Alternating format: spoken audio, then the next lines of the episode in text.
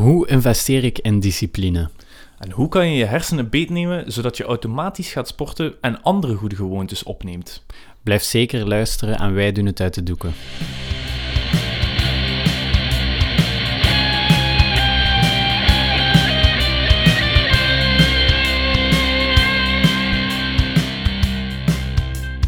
Welkom bij de Goed Belegd podcast. Mijn naam is Loïc. En mijn naam is Chef. En in deze podcast gaan wij waarde toevoegen aan jouw leven door te bespreken hoe je best investeert. In de brede zin van het woord. Deze podcast is voor iedereen, want iedereen investeert. Op welke manier dan ook. Een economische achtergrond is dus niet vereist. Zie deze podcast dus als een investering, een investering in jezelf. Goedemiddag, Loïc. Hey, Jeff. Alles goed? Ja, super. Perfect. Uh, we gaan het vandaag hebben over uh, wat is discipline en hoe investeer ik in discipline. En dan nog uh, verder uitweiden naar de gewoontes en misschien wel de verbanden tussen de twee gaan ontdekken. dus wat is discipline? Volgens de dikke Van Dalen is dat een regime van strenge gedragsregels, zelfs tuchtsancties. Maar voor mij ligt dat toch iets anders dan het woordenboek. Klinkt heel... Um oppressief. Ik, denk, ik weet niet of dat een woord is, maar in het Engels... Ja, lijkt me oppressief. wel. Uh, dus, maar dat toont eigenlijk ook al dat discipline van buitenaf of van binnenuit kan komen. Omdat discipline kan worden opgelegd in het leger, op school of uit jezelf kan komen. Mhm. Voor mij is het inderdaad gewoon ja, verder werken dan dat je graag doet. Dingen tegen je zin kunnen doen in het kader van een uh, positief doel. Bijvoorbeeld gaan sporten wanneer ik mij eigenlijk super lui voel, om dan uiteindelijk mij gezonder te voelen, et cetera. Dus het is eigenlijk meer, je wil het wel doen, maar je hersenen vormen een soort van drempel. Ik herken het wel zeker, hè, ja. ja. Je weet dat je sommige dingen moet doen, maar je komt er niet toe omdat die drempel zo hoog is. Ik heb een keer gelezen dat je altijd het pad van de minste weerstand gaat volgen. Ja. En dat is veel weerstand. Hè. Je moet gaan sporten of, of een andere taak uitvoeren. Er zitten altijd de drempels aan. En hoe hoger dat die drempel is, hoe, meer discipline. en hoe meer discipline dat je nodig hebt, inderdaad. Ja, klopt. Ja. En dat het inderdaad ook over emoties controleren. Gelijk dat al zei, die drempel. Als je ruzie hebt met iemand, kan het soms heel makkelijk zijn om die allerlei dingen te noemen, maar soms vraagt het heel veel discipline om dat niet te doen. En dat is uiteindelijk ook discipline, is die, die echt die gevoelsmatige drang gaan onderdrukken.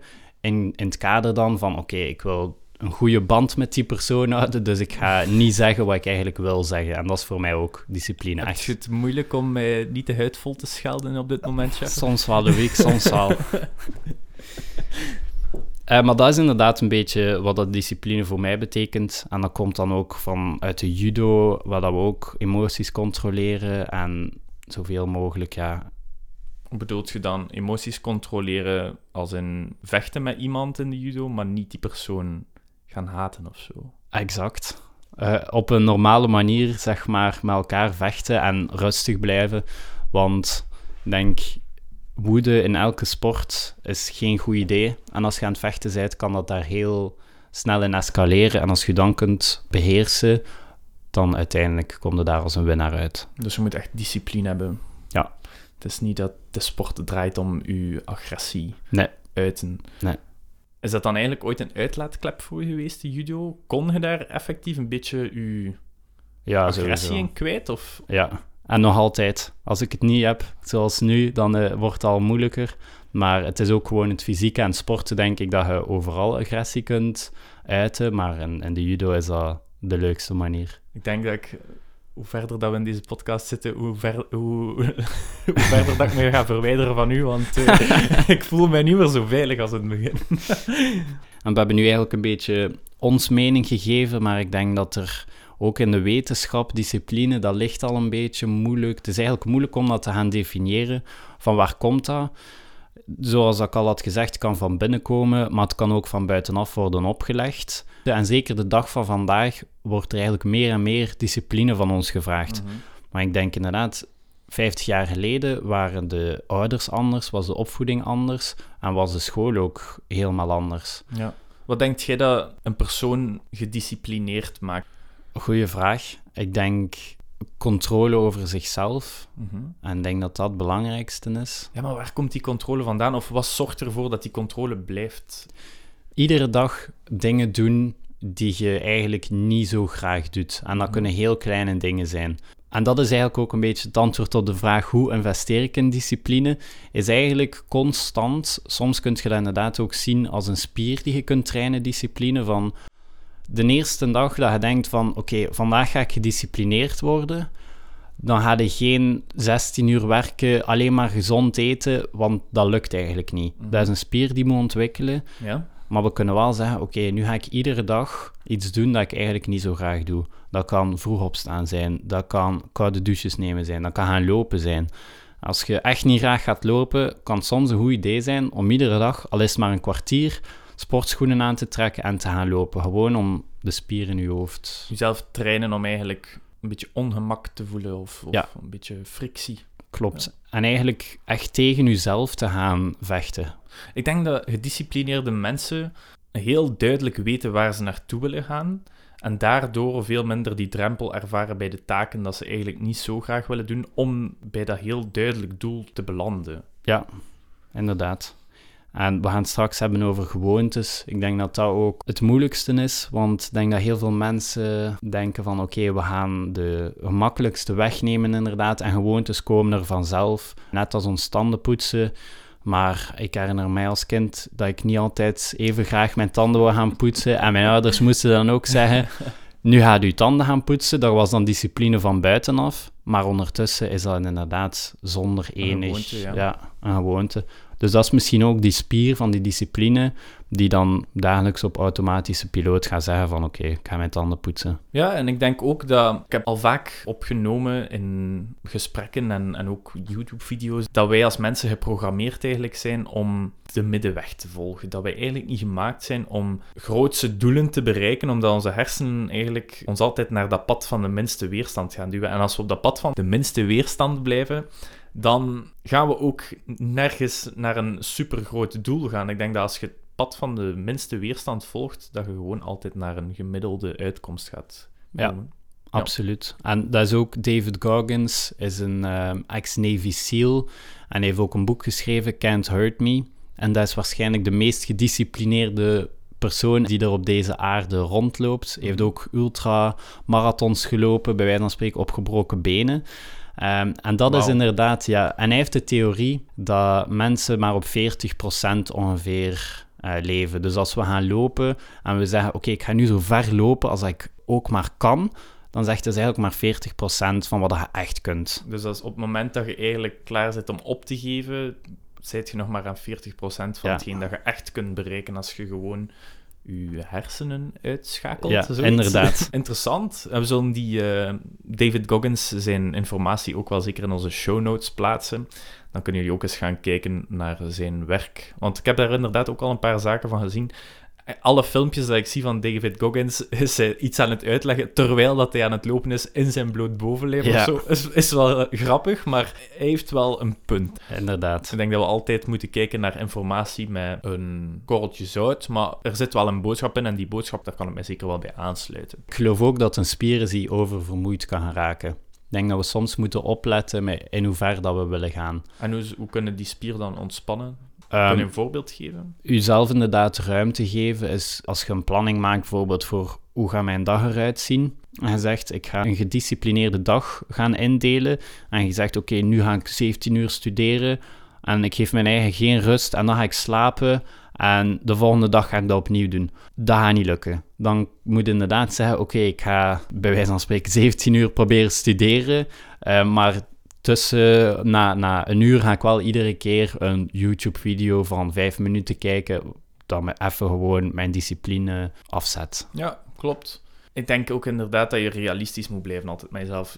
We zijn, ik denk dat we onderschatten wat dat we kunnen met wat discipline, maar dat we onszelf, als we dan toch eens gaan proberen om gedisciplineerd te zijn, dat we al snel te gedisciplineerd willen zijn. Ja, dat denk ik ook. Een goede tip trouwens is, ehm, dat is misschien voor de mensen die, die nog studeren of, of ook gewoon op het werk. Ik, ik weet dat mijn vriendin ook daarvan gebruik maakt en dat heet de Pomodoro-techniek. Dat ga je sowieso kennen. Ja. Dat is eigenlijk 25 minuten heel geconcentreerd werken of studeren. En dan jezelf toestaan om 5 minuten pauze te nemen na die 25 minuten geconcentreerd werken. En op die manier bereik je eigenlijk veel meer, want je weet dat je tijd waarin dat je werkt veel korter is. Dus dat je ook een beetje moet pushen om dat werk er door te krijgen in de 25 minuten. Want anders ben je, ben je maar net begonnen. Als je bijvoorbeeld zou zeggen, ik ga twee uur werken, dan gaat het langer duren op te starten en echt tot op die productiviteitspiek te komen. Waar dat als je jezelf minder tijd geeft om te werken, Ja. dan moet je weer pauzeren, want je moet ook pauzeren. Dan ga je sneller in die productiviteitszone komen. Ik denk dat dat inderdaad ook zelfs het belangrijkste is op het werk. Omdat als je studeert, je eigen schema een beetje maakt. Maar op het werk is het vaak, oké, we gaan nu vier uur werken, middagpauze nemen, nog eens vier uur werken. Maar als je inderdaad zelf een beetje die planning maakt, ook al ziet uw baas u niet vijf minuten graag eh, niks doen, maar dat kan echt uw productiviteit zelfs maal twee doen, denk ik. Er is ook een app die ik heb gedownload recent. Ik zal die ook in de show notes plaatsen, zodat mensen die ook kunnen downloaden. Dat is eigenlijk een timer en die toont dan effectief de 25 minuten die aan het eh, lopen zijn. En dan na 25 minuten zijn er 5 minuten pauze en dan begint dat ding opnieuw met 25 minuten werken. Een zeer goede manier om eigenlijk gedisciplineerd te blijven werken, maar toch met een beetje fun. Maar waarom hebben we dat nu nodig eigenlijk om in onze podcast, de Goed Belegd podcast, waarom hebben we discipline nodig? Wel, Jeff, interessante vraag. Ik zal het je zeggen. Als belegger is het ook heel belangrijk dat je gedisciplineerd bent. Je moet eerst en vooral een plan hebben als je belegt, en dan moet je plan volgen. En voor dat plan te volgen heb je effectief discipline nodig. Ik zal een kleine anekdote vertellen vanuit mijn eigen beleggingscarrière. En dat is misschien al een beetje een voorproefje van onze eerste officiële seizoen dat er aankomt na onze examenperiode, dus dat zal wel nog even duren. Maar in mijn beleggingscarrière heb ik al een paar fratsen meegemaakt. Leergeld noemen ze dat. Dat zijn eigenlijk fouten die je maakt, gelukkig al redelijk vroeg in je beleggingscarrière, zodat je ze later niet moet maken. Maar je betaalt er toch altijd wel een prijs voor. Voor beleggen is discipline dus essentieel. Een plan maken op voorhand is van heel groot belang om winst te maken. Je moet eigenlijk alle scenario's indenken die zouden kunnen gebeuren. En dan ook weten hoe dat je gaat reageren op die scenario's. Want anders kom je in rare situaties terecht. Dus je moet ook weten, bijvoorbeeld, als ik winst maak op mijn investering of belegging, wanneer ga ik dan effectief verkopen en winst nemen? Maar evengoed, als het de andere kant op gaat, als je verlies aan het maken bent, en we willen het misschien niet allemaal toegeven, maar dat gebeurt nog zeer frequent, dan moet je ook weten wanneer dat je gaat verkopen met verlies. Ik heb een goed voorbeeld van een belegging waarbij ik eigenlijk weinig discipline had, omdat het al slecht begon. Ik had eigenlijk geen plan. Wat had ik gedaan? Ik had een eh, optie gekocht op Facebook, tegenwoordig Meta-platforms. Ik ga niet echt tot in de details gaan van wat een optie is, want dat is al heel ver gevorderd voor sommige mensen. Maar het was dus eigenlijk een investering in Facebook. En ik had die investering gedaan voor enkele duizenden dollars. Een groot bedrag. En dat, is, dat brengt bepaalde aspecten met zich mee. Ik had met die belegging ongeveer drie jaar de tijd om winst te maken. Dus ik had drie jaar om dat gewoon te laten staan en om te wachten tot als er eventueel winst was. Maar er kon ook verlies zijn. En het bedrag dat ik eigenlijk had geïnvesteerd was groot. Te groot eigenlijk. En hoe heb ik dat gemerkt? Wel, in de eerste weken nadat ik die belegging had gekocht, ging alles nog goed. Ik had uh, 1000 euro winst. Ik denk dat ik zelf, uh, ja, dat doen we graag natuurlijk, met onze winsten een beetje gaan pochen bij, bij de andere beleggers. Uh, ik had al 1000 dollar winst, denk ik, op een gegeven moment in de eerste twee weken. Dus dat was fantastisch, hè? Een fantastische return en ik was heel gelukkig. Maar het kan ook omslaan. Een paar weken nadien de, gingen de Facebook-aandelen naar, naar beneden, zakte die in waarde. Ik had plots het gedacht dat Facebook in de afgrond ging vallen en dat dat bedrijf niet meer ging bestaan op termijn. En je zag dat ook in mijn belegging, die maakte verlies. Dus dan ga je van een heel euforische gemoedstoestand naar eigenlijk bijna, ja, depressief zou ik het niet noemen, maar het is toch geen fijne toestand om te zien dat je beleggingen plots minder waard zijn. En dan begin je na te denken. Oei, ik heb hier duizenden dollars ingestoken. Dat is een groot bedrag te groot eigenlijk, want ik zou niet al dat geld kwijt willen raken. En dat ging ook nog niet zo snel gebeuren, maar ik weet niet of dat jij daar ervaring in hebt, chef, maar als uw belegging zich keert tegen u, dan, dan ga je plots wel heel sterk gaan doemdenken, denk ik. Ik weet Ja. niet of je daar ervaring mee hebt. Absoluut. Ja, dat is het moeilijkste van eh, heel het beleggen. Is inderdaad niet winst maken, maar omgaan met verlies. Winst maken is makkelijk, verlies maken is heel moeilijk. Want dan moet je met jezelf heel eerlijk zijn en durven toegeven. Oké, misschien was het geen goede belegging, of misschien is het wel een goede belegging, maar heb ik te veel geïnvesteerd. En dat was eigenlijk, ja, ik, ik had er niet goed over nagedacht over die belegging. En ik begon te panikeren. Hè. Ik dacht dat, dat ik nog veel meer verlies ging maken. En uiteindelijk heb ik met 500 dollar verlies verkocht, die belegging. En dus ik was wel kwijt en ik had 500 dollar minder. Dat is, ja, leergeld noemen ze het. En natuurlijk, tot mijn grote frustratie, nadat ik die belegging had verkocht, wat gebeurde er? Ja, het aandeel van Facebook begon terug te stijgen. Het bleek allemaal toch niet zo erg te zijn. En op een gegeven moment was die investering die ik had weer 2000 euro meer waard dan toen ik ze aankocht. Dus had ik ze niet verkocht, had ik terug 2000 dollar winst gehad. En dus zo ging die rollercoaster waarschijnlijk verder gegaan zijn als ik terug die belegging had gekocht. Dus dat heb ik niet gedaan. Een goede manier om eigenlijk te leren dat je met niet te veel geld moet beleggen, en dat zullen we ook wel in de komende episodes van het eerste officiële seizoen toelichten. Maar ja, had ik die discipline gehad om eerst na te denken, een plan te maken, bijvoorbeeld door mezelf de vraag te stellen: wanneer ga ik die belegging verkopen? Als ik verlies heb, hoeveel verlies mag ik eerst hebben voordat ik ga verkopen? Hoeveel verlies mag ik maximaal hebben? Hoeveel winst wil ik nemen? Dus vanaf welk bedrag wil ik verkopen of moet ik zelf verkopen? Of nog een andere vraag: hoe lang wil ik die belegging hebben voor ik ze effectief mag verkopen? Want soms moet je een beetje wachten voor je belegging effectief de kans krijgt om te groeien in waarde. Dus samengevat, heel belangrijk bij beleggen om discipline te hebben, om een plan te maken. En dat kan je alleen maar doen door jezelf te trainen, door ook in andere aspecten van je leven een beetje te investeren in discipline. Absoluut. Ja, en iets dat nauw verwant is met discipline, Jeff, eh, dat zijn gewoontes, denk ik. Ik weet niet of dat je daar zelf ook mee akkoord bent. Absoluut. Ik denk dat dat hand in hand gaat en dat één niet zonder het ander kan bestaan. Wat is een heel goede gewoonte die jij hebt jezelf Ehm, aangeleerd? Mijzelf aangeleerd eh, vroeg opstaan en koude douches nemen. Oef. Ja. Beter dan koffie. Ja, Ja, ja. maar werkt het dan ook even lang? Of Eh, nee, nee, inderdaad. Van koffie kunnen langer genieten, maar om snel wakker te worden. het is even de shock. En opnieuw daar, is, daar, is, daar is weer een drempel hè, om dat te doen. Om effectief jezelf te overtuigen om te blijven staan onder dat koud water. Of misschien zelfs wel gewoon de kraan op koud te zetten. Ik heb de hype ook al eens opgepikt. Ergens dat dat een heel goede manier is om, om je systeem een beetje te resetten en zo. Ik weet niet wat de precieze wetenschappelijke achtergrond is, maar blijkbaar is het niet slecht om dat te doen. Ehm, Wim Hof, die kennen wij alle twee heel goed.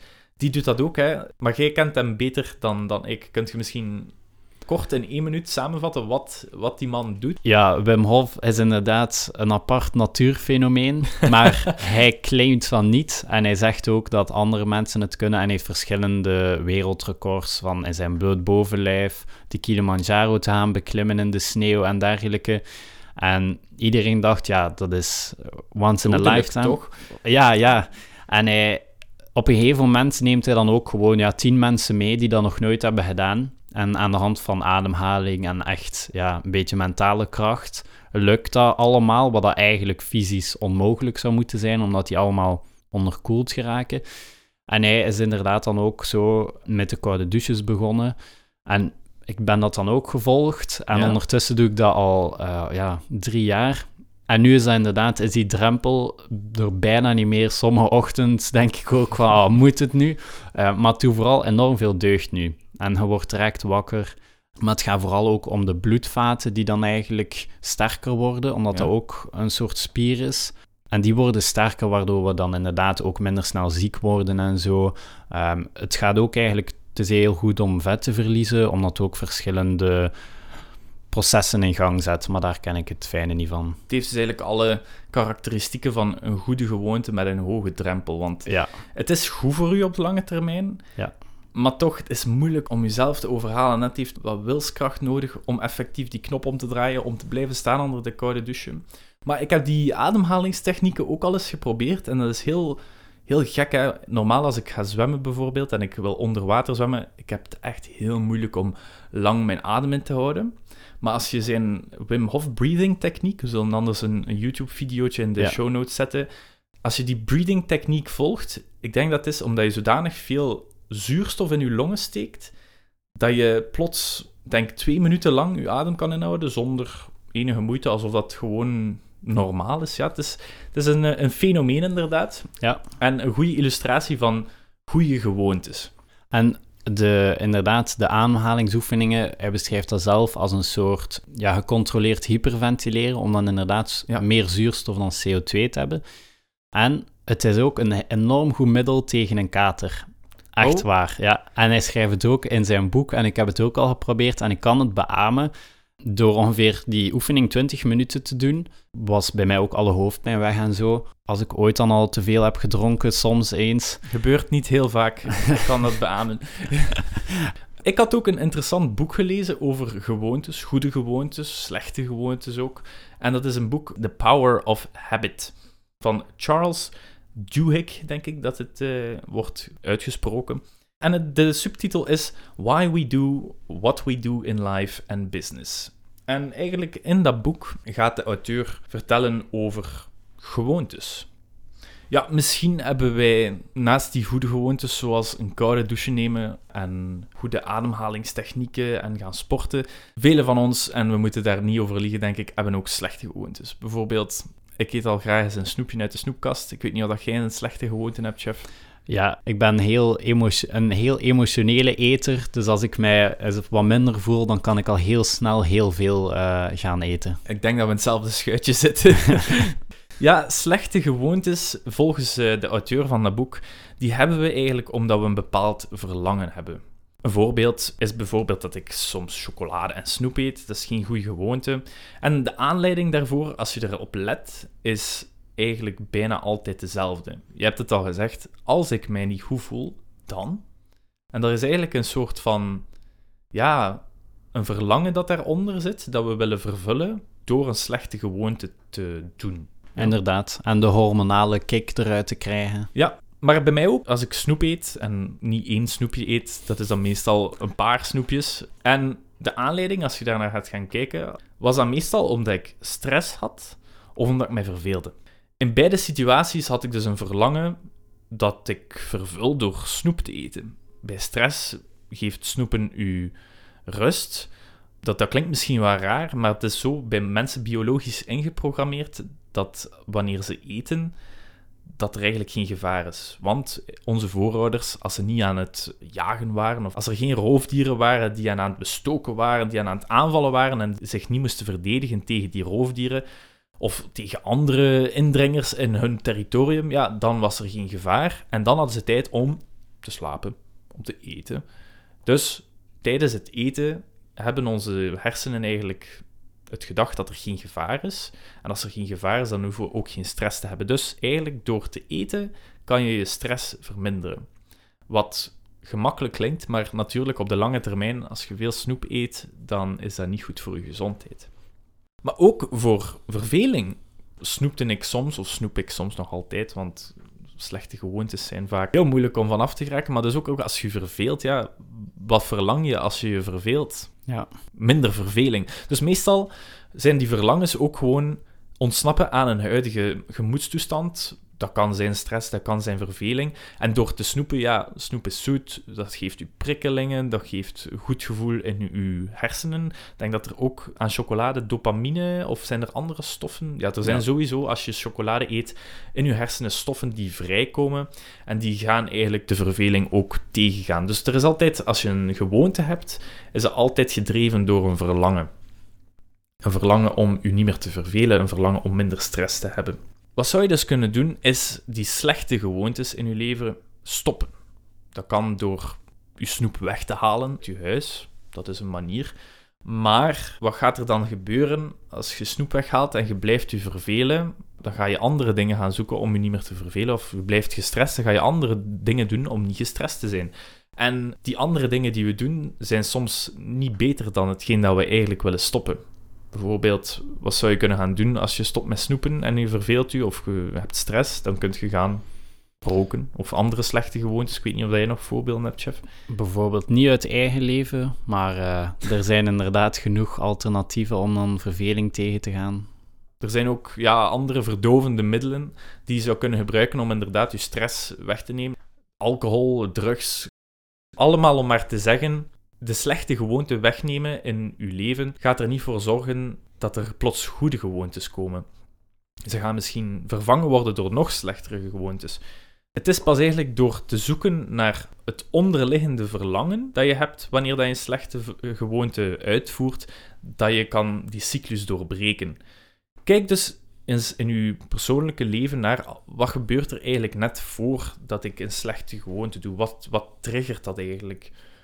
Op die manier ga je misschien te weten komen welk verlangen dat je hebt en welk verlangen dat je probeert te vervullen door die slechte gewoonte te doen. Bij mij, ik heb het al gezegd, bij mij was dat redelijk duidelijk, maar voor sommige slechte gewoontes denken we dat die automatisch gaan, maar we komen die er toch niet automatisch, maar is dat eigenlijk eerder getriggerd door een bepaalde situatie, een bepaalde gemoedstoestand, een bepaald verlangen. Dus ga eens gaan kijken, net voordat je een slechte gewoonte doet, wat triggert dat? Wat zorgt ervoor dat je het effectief gaat doen? Want meestal zijn er bepaalde verlangens. Bijvoorbeeld, ik had een slechte gewoonte van het snoepen door stress of door verveling. En dan moet je eigenlijk gaan zoeken naar een andere gewoonte of een andere handeling die ervoor zorgt dat die stress weggaat of dat die verveling weggaat. En dus dan ben ik gaan kijken naar de dingen die ik kon doen. Bijvoorbeeld voor mijn stress ging ik eens gaan sporten of mediteren. En voor de verveling hielp dat eigenlijk ook wel nog redelijk goed. Dus door eerst te kijken naar welk verlangen je eigenlijk probeert te vervullen met je slechte gewoonte, kan je beter gaan zien welke goede gewoonte dat je eigenlijk wil in de plaats stellen van die slechte gewoonte. Dat is wat die verlangens betreft. Maar in het boek van Charles Duhigg wordt ook beschreven dat een gewoonte, een goede of een slechte gewoonte, meestal verloopt in een proces van een loop, een soort van cyclus. En er zijn eigenlijk drie stappen in die cyclus. Eerst is er een cue, ik noem het eigenlijk de trigger, of het moment dat ervoor zorgt, of de situatie die ervoor zorgt dat je iets gaat doen. Dan is er effectief de gewoonte of de habit, zoals snoepen, maar evengoed gaan sporten kan ook een gewoonte zijn. En op het einde, heel belangrijk in dat uh, proces, is beloning. Want bij een slechte gewoonte is dat duidelijker. We eten een snoepje en ja, we voelen die prikkels, we voelen minder stress. Dus het is een soort van beloning die we onszelf geven. Maar ook bij sporten, als je klaar bent met sporten, ik heb altijd een fantastisch gevoel als ik klaar ben met sporten, dan, dan is dat eigenlijk ook een soort beloning. Het ding, het verschil is tussen die twee, het kan alle twee met dezelfde cue beginnen. Bijvoorbeeld, je hebt stress, een van de processen, dus de tweede stap die ertussen zit, kan ofwel zijn snoepen, heel lage drempel, of je kan met een heel hoge drempel dan gaan sporten. Dan op het einde van die twee processen hebben we de reward, en die is opnieuw ongeveer hetzelfde. Die stress of die verveling is weer weg. Ja. Klinkt, klinkt simpel, hè? maar...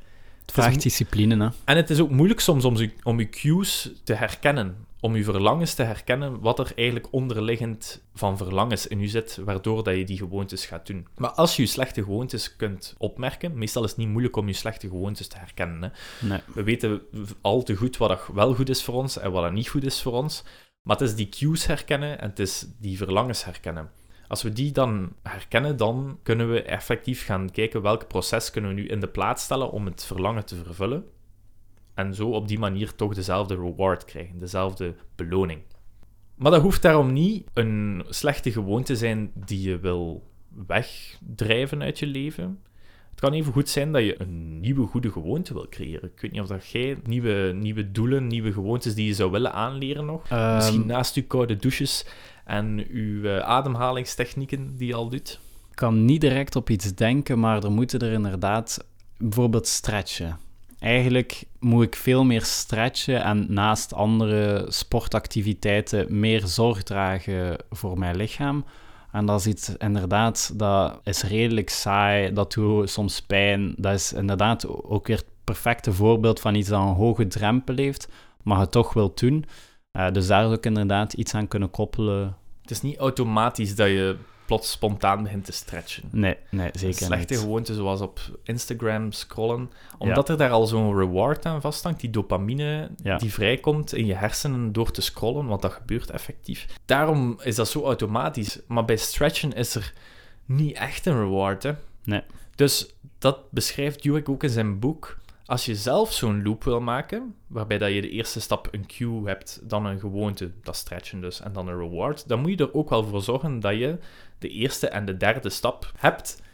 Eerst moet je dus een cue creëren voor jezelf. Je moet eigenlijk een soort van moment of een situatie creëren waarin dat jij automatisch gaat getriggerd worden om te stretchen.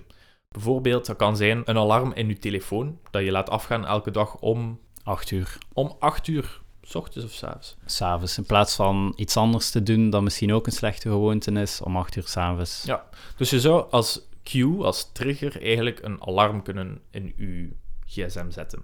Dan is het de kwestie van effectief te stretchen, de habit, de gewoonte die je wil aanleren aan jezelf. En dan niet te vergeten, want dat is echt essentieel om ervoor te zorgen dat een gewoonte een gewoonte wordt en dat je dat bijna automatisch gaat doen, zoals 's ochtends je tanden poetsen. Soms gaan we automatisch ergens naartoe, of bijvoorbeeld naar, naar het werk gaan of zo. Dat is zo automatisch dat je dat doet, dat je daar bijna niet meer over moet bij nadenken als je naar je werk gaat. Oké, ik moet mijn sleutels nemen. Oké, ik moet in mijn auto stappen, of ik moet op de fiets stappen. Oké, ik moet naar daar rijden. Eigenlijk kunnen wij tijdens dat we naar ons werk gaan, bijna op autopiloot gaan, omdat we al zo ge- gewend zijn aan die handeling. Dus het is eigenlijk de bedoeling dat dat stretchen voor u eigenlijk ook zoiets wordt dat automatisch gebeurt en dat je bijna zelf niet meer bij moet nadenken. Dat je niet jezelf moet gaan overtuigen van oké, chef, pak jezelf samen, begin te stretchen. Want wat gaat je moeten doen als je daar al mee bezig bent met jezelf te overtuigen, is de kans groot dat je het niet gaat doen. Nee. Als ik mezelf moet overtuigen om naar de fitness te gaan, dan is dat ook heel moeilijk. Dus je wilt u eigenlijk niet overtuigen, je wilt ervoor zorgen dat dat automatisch gebeurt. Je wilt ervoor zorgen dat dat een automatisme wordt. Dus daarvoor is die reward, die beloning die je aan jezelf geeft, als derde stap heel belangrijk. Welke beloning zou je jezelf kunnen geven om te stretchen? Als je klaar bent met stretchen, wat zou een goede beloning kunnen zijn voor dat stretchen? Bijvoorbeeld, gelijk dat je inderdaad al had aangehaald, is vijf minuten op Instagram scrollen. Kan perfect een goede beloning zijn. Ja, als dat mijn mate is, denk Ja. ik dat dat inderdaad een goede beloning is. Het mag natuurlijk geen slechte gewoonte Nee. worden, die wordt getriggerd door stretchen. Maar als je zelf gewoon even heel bewust vijf minuten geeft om iets leuks te doen, laat jezelf eigenlijk even los als beloning. Die beloning is eigenlijk de sleutel tot het automatisch maken van een gewoonte, van die stap 2. Een beloning zoals uzelf vijf minuten toestaan om op Instagram te zitten of zoals een snoepje eten. Dat is iets dat we willen doen. Hè? Onze, onze hersenen voelen dat aan als beloning. Door dat vaak te doen, dat proces van die drie stappen, dus eerst de trigger, bepaalde locatie of een bepaald eh, geluid, kan een, een alarm zijn op uw gsm of ehm, iemand die u iets zegt, kan, kan van alles zijn, een tijdstip op de dag, waarbij dat je automatisch op de klok kijkt en ziet van, ah, het is drie uur bijvoorbeeld. Uw trigger moet eigenlijk ervoor zorgen dat uw hersenen al denken aan die beloning.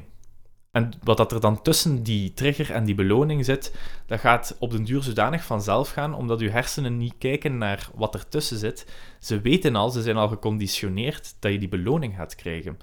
Dus dat zijn de drie stappen die in het boek van Charles Duhigg staan, die ervoor zorgen dat een gewoonte eigenlijk een automatisme wordt. Dus als je een nieuwe gewoonte wil installeren, zoals stretchen, dan moet je ervoor zorgen, Jeff, dat je eerst een trigger hebt, of een cue, zoals dat Charles het noemt.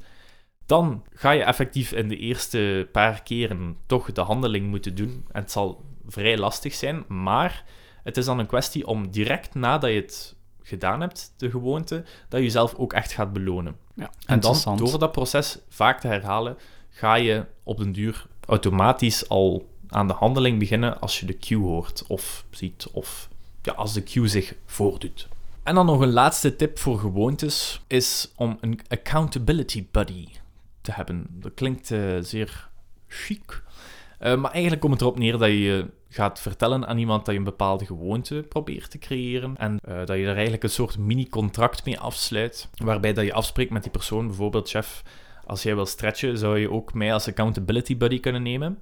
Ik zal u dan elke dag om 8 uur vragen: heb je gestretched? En als dat niet zo is, dan kunt jij mij. Wat is een goed bedrag? Ik denk 100 euro, dat kan er wel vanaf bij u. Telkens als jij dus niet gestretched hebt om 8 uur en je gewoonte dus niet hebt volbracht, dan moet je eigenlijk een straf ondergaan. Dus op die manier ga je ook in de plaats van beloning, als je het wel doet, ga je langs de andere kant nog eens een straf zetten als je het niet doet. Dus op die manier gaan je hersenen, ja, de hersenen zijn gemaakt om het pad van de meeste weerstand te vermijden. En als je zodanig veel weerstand creëert bij het niet uitvoeren van je gewoonte en geen weerstand meer zet bij het wel uitvoeren, want je gaat je belonen, dan gaan je hersenen automatisch naar dat pad van de minste weerstand gaan. Dus ga je eigenlijk je goede gewoonte toch doen.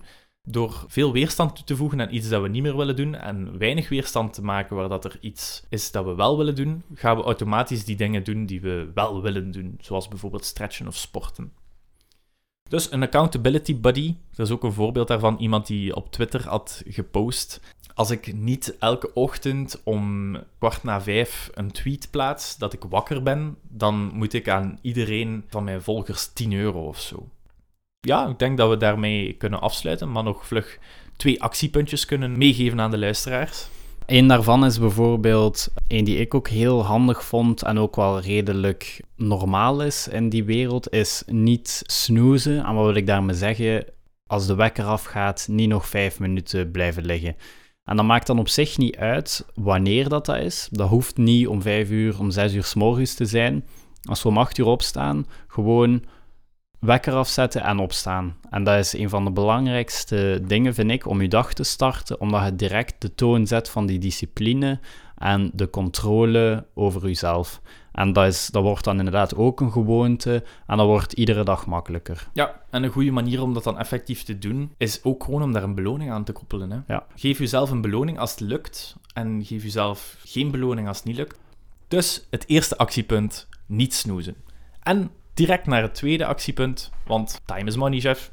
Guided meditations. En dat is misschien al een beetje een introductie tot de volgende episode. Guided meditations of begeleide meditaties. Dus eigenlijk iemand die je zegt hoe je moet mediteren. En dat kunnen we aanraden, is ook een heel goede gewoonte om te kweken, maar daarover volgende week meer. We zullen ook een paar guided meditations in de show notes zetten van deze podcast. En dan kan je die zelf even gaan proberen als goede gewoonte in je leven. En bij deze nodigen we jullie dus ook graag uit om naar onze volgende episode te luisteren over... Gezondheid. Wauw, interessant. Tot volgende keer. Wauw. Het was even lastig. lastig.